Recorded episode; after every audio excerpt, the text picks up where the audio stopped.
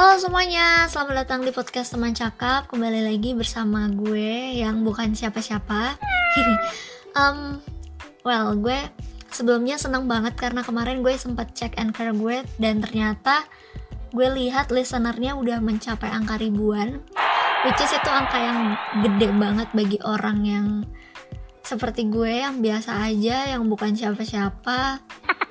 Ya gitulah pokoknya dan di episode 6 kali ini gue akan sedikit curhat, sedikit beropini karena sebenarnya gue lagi ngalamin hal ini. Ya seperti yang kalian lihat di judul, episode ini gue namain QLC atau Crisis Life salah quarter life crisis atau kalau yang biasanya gue sebut biar lebih sederhana untuk gue sendiri itu adalah crisis life of 20 karena katanya tuh lebih sederhana bisa lebih kena ke gue gitu. Karena sebenarnya gue juga barusan umur 20-an ya. Gitulah pokoknya. Nah hmm jadi uh, sebenarnya awal tahun 2020 itu adalah tahun yang sangat-sangat screamy untuk gue. Lebay nggak nggak lebay tapi serius. Uh, sebenarnya sih 2020 tuh kayak nightmare-nya semua orang mungkin ya. Karena pertama ada pandemi terus kegiatan kita jadi serba terbatas dan lain-lain termasuk gue. Nah tapi gue dari awal tahun 2020 tuh ekspektasi gue semuanya pecah total hancur sempurna.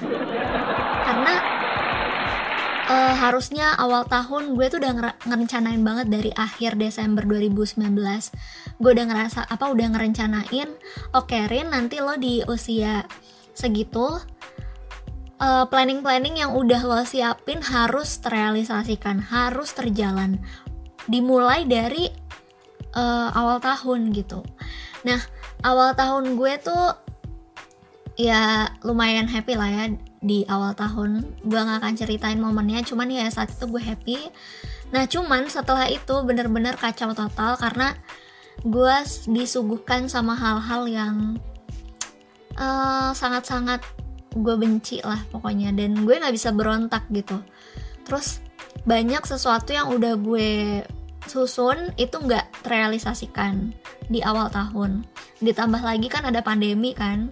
Ada pandemi terus uh, di awal tahun aja gue udah kehilangan sesuatu banyak banget sesuatu yang udah bertahun-tahun melekat sama gue. Gue kehilangan terus uh, planning planningnya juga itu tadi yang gue bilang kayak nggak terrealisasikan. Akhirnya gue kayak drop gue down. Jatuhnya gue tuh kadang kalau misalnya studi ya gue kan kuliah juga itu jatuhnya kayak kurang fokus. Terus bawaan gue pengennya ngatasin mood itu. Karena kan ketika uh, gue tidak bisa mencapai itu kadang ngenanya di mood gue tuh jadinya agak jelek gitu mood gue jadi nggak bagus. Akhirnya gue berkompromi caranya gimana ya gimana caranya gue bisa naikin mood gue supaya uh, gue bisa melanjutkan aktivitas gue lagi dan untuk mengembalikan mood itu kan butuh waktu juga. Jadi akhirnya waktunya yang harus yang harusnya untuk menyusun kembali rencana-rencana yang gagal itu sama gue dipakai untuk balikin mood gue. Karena gue ini orang yang kemudian gue nggak bisa uh, melakukan sesuatu ketika mood gue buruk gitu kalau dipaksain jatuhnya malah nggak bagus baik di orang lain atau di gue kayak gitu. Nah sebelumnya secara teoritis ya QLC itu atau quarter life crisis itu adalah uh, krisis mental krisis emosional yang dialamin orang ketika usia 20-an awal pertengahan baik akhir.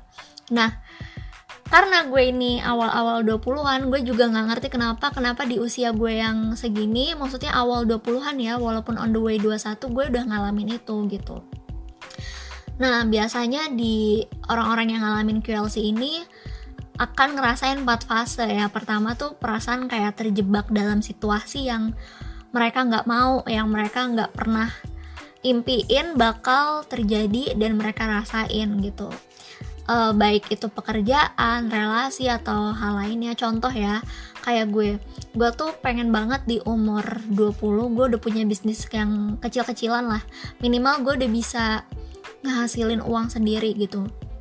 Nah, sebenarnya di umur 19 gue udah sempet kayak gitu, cuman gak jalan gitu dan gue pengen start lagi di usia gue 20 nah cuman sampai sekarang sampai mau akhir 2020 itu belum terrealisasikan dan ada rasa kayak kecewa sama diri sendiri marah dan ya pokoknya down banget lah. Downnya tuh bukan maksudnya bukan yang dibawa drama lebay atau gimana tapi karena ngerasa kayak aduh kapan lagi? gitu. Karena ke depan-depannya gue nggak tahu bisa atau enggak gitu untuk start up lagi kayak gitu-gitu kan. Nah terus abis itu uh, ada fase kedua di mana biasanya orang tuh yang ngerasain QLC ini akan ngerasain apa ya kekecewaan terhadap perubahan. Mungkin kan karena tadi ya di fase yang pertama uh, dia terjebak dalam situasi yang gak dia pengen yang tadi kayak gue contohin akhirnya mereka berkompromi lagi ya termasuk gue berkompromi lagi. Dan mereka harus adaptasi lagi sama perubahan itu. Contoh kayak gue kayak gini ya kayak kita semua misalnya lagi di masa pandemi ini. Semuanya yang usia 20 tahun ke atas lah uh, di masa pandemi ini kita nggak bisa ngapa-ngapain kan kayak yang mau kerja jadi di rumah kan terus yang punya planning ini itu jadi nggak terrealisasikan akhirnya kan jatuhnya kecewa. Nah itu tadi eh, perubahan-perubahan gitu yang mungkin aja kejad apa terjadi ke depannya atau yang mungkin emang saat itu juga lagi dialamin itu bikin mental down. Mental downnya itu bukan yang down banget sih tapi lebih kayak aduh gue nanti ke depannya kayak gimana. Ya namanya orang krisis ya. Krisis apa pun. Ya begitulah rasanya pokoknya.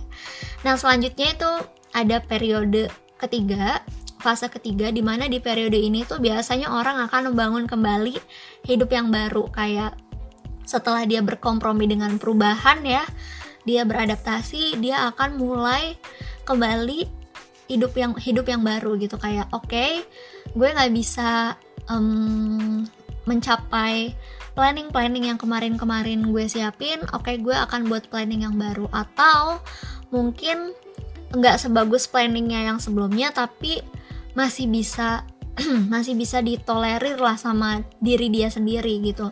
Kayak contohnya gue kayak oke okay, karena sekarang gue pandemi ya udah gue fokus aja. Akhirnya gue fokus kuliah. Gue uh, fokusin untuk naik naikin nilai gue yang mungkin kemarin-kemarin bermasalah. Gue mencoba untuk lebih happy lagi dengan hal-hal yang mungkin hal-hal yang baru hal-hal yang di luar kebiasaan gue. Gue akan mencoba semuanya gitu yang baru gitu. Dan fase yang terakhir itu adalah fase pengukuhan atau ketika seseorang membuat komitmen atau gue misalnya. Gue membuat komitmen antara diri gue sendiri komitmen yang baru gimana caranya? Suara gue ya kesumpel dahak ya sorry. Ya gimana caranya? Di fase ini ketika gue udah membuat komitmen nanti ke depannya jangan sampai terjadi lagi gitu. Jadi udah kayak ada trauma kecil lah yang dirasain sama gue yang itu ngebuat gue kayak oke okay, Arin gimana caranya? Uh, lo komit sama diri sendiri lo harus better than yesterday. Ya udah gitu. Dan uh, gimana ya komitmen ini nih terkait sama ketertarikan aspirasi dan nilai-nilai yang dipegang sama gue gitu. Values values yang gue pegang. Nah uh, sebenarnya setelah mengalami QLC ini orang tuh sebenarnya ya akan jauh lebih baik gitu. Karena tergantung ya tergantung. Tergantung orangnya tuh seperti apa.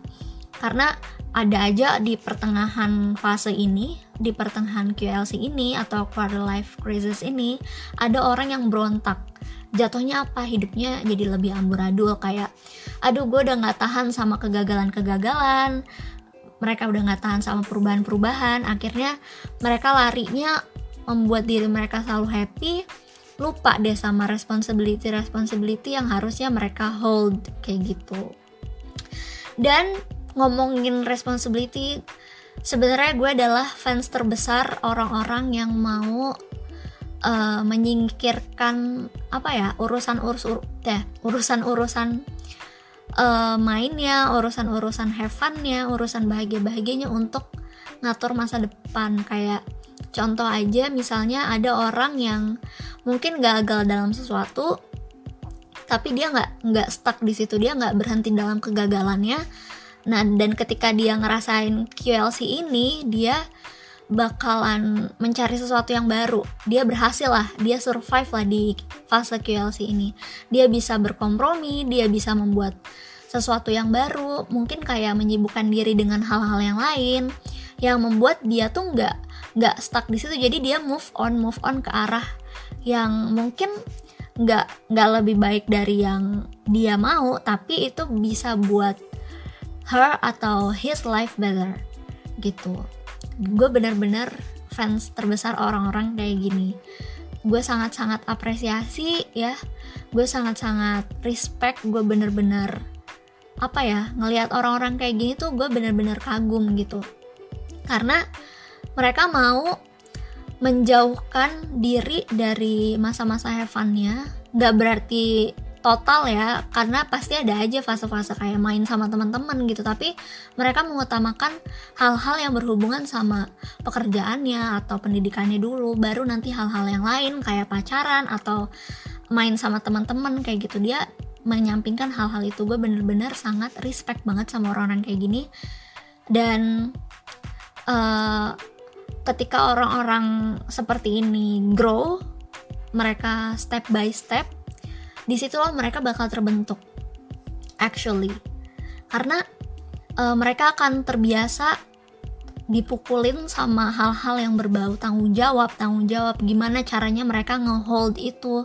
Padahal mungkin sebenarnya juga mereka pengen berontak mereka pengen kayak aduh gue capek kenapa sih masa muda gue harus kayak gini? Gue masih 20 gue masih 23 gue masih 25 kenapa sih? Gue kayak gini ketika teman-teman gue daki gunung ketika teman-teman gue bisa shopping ketika teman-teman gue nonton live music kenapa gue harus duduk di depan laptop? Kenapa gue harus ngedengerin orang yang ngomong dan nyatet gimana? Kenapa gue harus presentasi? Kenapa gue harus baca buku? Kenapa gue harus prepare untuk ujian ketika teman-teman gue yang lain bisa bla bla bla A B C sampai Z gitu. Di situlah mereka akan terbentuk gitu. Itu tergantung lagi sih sebenarnya. Gimana orang-orang menyikapinya gimana mereka menyikapi menyikapinya. Ada orang yang kayak aduh udahlah gue udah males lah gue pengen refreshing. Akhirnya ketika mereka refresh mereka lupa mereka ngelepas itu semua udahlah gue mau nganggur aja. Dan gue sangat-sangat gak suka orang kayak gini gitu. Karena ya menurut gue itu kan adalah sebuah fase ya yang pastinya akan berlalu ya udahlah dijalanin aja karena gimana pun juga even kita merelakan sesuatu yang nggak bakal bisa balik lagi ya kan? Kita merelakan masa muda kita yang harusnya cerah banget kita merelakan golden moment kita untuk nyiapin sesuatu yang berbau ke masa depan yang sebenarnya kalau misalnya kita mau lebih realistis lagi itu belum tentu eh, kita rasain. Karena pertama usia kedua takdir gitu ya tapi kan karena ikhtiar itu karena usaha ya itu kan bisa takdir yang kayak gitu-gitu kan bisa dirubah gitu. Kalau kita ada usahanya doa terus ya kita bergerak lah kita move kita mau mencoba kita mau apa ya lebih fokus lagi gitu.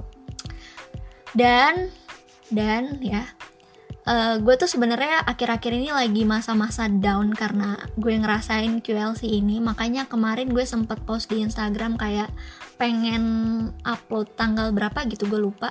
Tapi gue gak jadi karena banyak banget yang terjadi. Terus ditambah gue juga lagi ngerasain fase itu. Terus kayak gimana ya gue udah sempet di posisi yang kayak dulu dulu ya gue gue uh, mau coba buka cerita sedikit dulu tuh gue sampai konsultasi sama dosen gue dosen dosen psikiatri.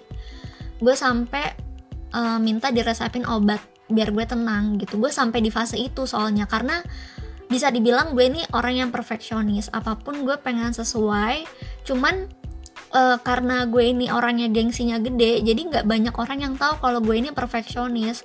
Jadi kalau misalnya gue nggak bisa mencapai itu ya udah gue kayak orang yang ya udahlah bodo amat gue juga usahanya juga begini. Jadi biar orang tuh nggak melihat kita terlalu menyedihkan banget nggak melihat gue terlalu menyedihkan gitu ya. Dan itu gengsinya gue tuh di situ. Akhirnya gue sama sahabat gue gue dianterin sahabat gue ketemu sama dosen gue dosen psikiatri gue minta dirasain obat karena gue bener-bener down dan tanpa gue ngomong kalau dok saya ini lagi down dokternya itu kebetulan deket sama gue itu dia sampai deh ini saya resapin obat aja saya tahu kamu down banget gitu. Dan itu sebenarnya crisis life itu sebenarnya udah di gue rasain dari uh, akhir 19 tahun sebenarnya gitu. Cuman uh, gue belum sadar kalau gue ngerasain itu. Nah anyway capek juga ya gue ngomong. Anyway um, ketika masa-masa KLC ini berakhir sebenarnya di detik ini itu bisa terah uh, bisa terakhir bisa terulang lagi. Karena itu bukan penyakit cuman ada ada fasenya ketika hal itu kambuh lagi tuh di mana ketika kita gagal. Nah gimana sih caranya biar kita nggak ngalamin itu lagi? Ya balik lagi kayak berusaha berusaha berusaha. Karena semakin kita banyak gagalnya kan kayak semakin banyak eh semakin besar juga kesempatan kita untuk deketin sesuatu yang kita mau gitu. Dan buat orang-orang yang mungkin denger ini buat orang-orang yang lagi ngalamin hal serupa yang kayak gue alamin please semangat. Gue bener-bener fansnya kalian fansnya orang-orang yang bener-bener pengen berusaha orang-orang yang pengen terus berbenah diri orang-orang yang gimana ya orang-orang yang ngerasa tanggung jawabnya dia tuh besar gitu. Dan satu lagi mungkin ya kalau kiose ini biasanya kan dialamin sering banget itu dia alamin sebenarnya kalau yang gue perhatiin dialamin sama cowok. Karena cowok tuh merasa kayak responsibility-nya gede dia nanti akan menikah dia nanti bakal bawa perempuannya dia bakal bawa anaknya dia harus nafkahin ini dan itu gitu. Dan uh, gimana ya biasanya kan kalau cowok itu dia ada fase-fase nakal ya. Itu kan sangat wajar sangat lumrah. Karena cowok tuh biasanya lebih ekspresif lebih aktif daripada yang cewek. Nah gue sangat kagum ya kalau itu adalah cowok gitu. Karena kan kalau cewek mah udah udahlah ulet. Cewek tuh ulet. Cewek tuh kebanyakan lebih teliti lebih pikirannya lebih tertata gitu ya. Maksudnya nggak nggak semuanya cuman ini kan umum ya general aja gue omong yang gue omongin. Nah tapi cowok-cowok kayak gini tuh uh, biasanya di umur-umur yang kayak masih awal 20-an biasanya mereka akan mikirin main. Main pacaran main pacaran ngabisin uang orang tua. Nah tapi gue bener-bener fans beratnya orang-orang yang mereka mau mengenya, mau mengesampingkan itu siapa pun sebenarnya mau cewek atau cowok. Tapi ini gue omongin poin di terakhir adalah gue omongin gender cowok karena uh, biasanya cowok tuh kayak gitu gitu. Mereka punya fase nakalnya tapi mereka bisa ngehold itu untuk sesuatu yang gue harus maksudnya dia ngerasa kayak gue harus mencapai ini gitu. Dan gue sangat respect orang-orang yang dia galau karena yaitu tentang crisis life ya karena daripada galau. Karena duh cewek gue kayak begini duh gue ada masalah gini begini sama teman gue gitu. Pokoknya semangat semuanya semangat semangat semangat semangat semangat. Gue akan selalu doain siapa pun itu uh, yang lagi ada di fase QLC karena itu adalah fase yang sangat-sangat sulit sangat-sangat gak mudah. Karena gue pun mengalami dan semoga kita semua bisa survive di fase ini. Semoga yang kita rencanain bisa terrealisasikan. Amin. Amin amin amin amin. I'll see you guys in the next episode. Bye bye assalamualaikum warahmatullahi wabarakatuh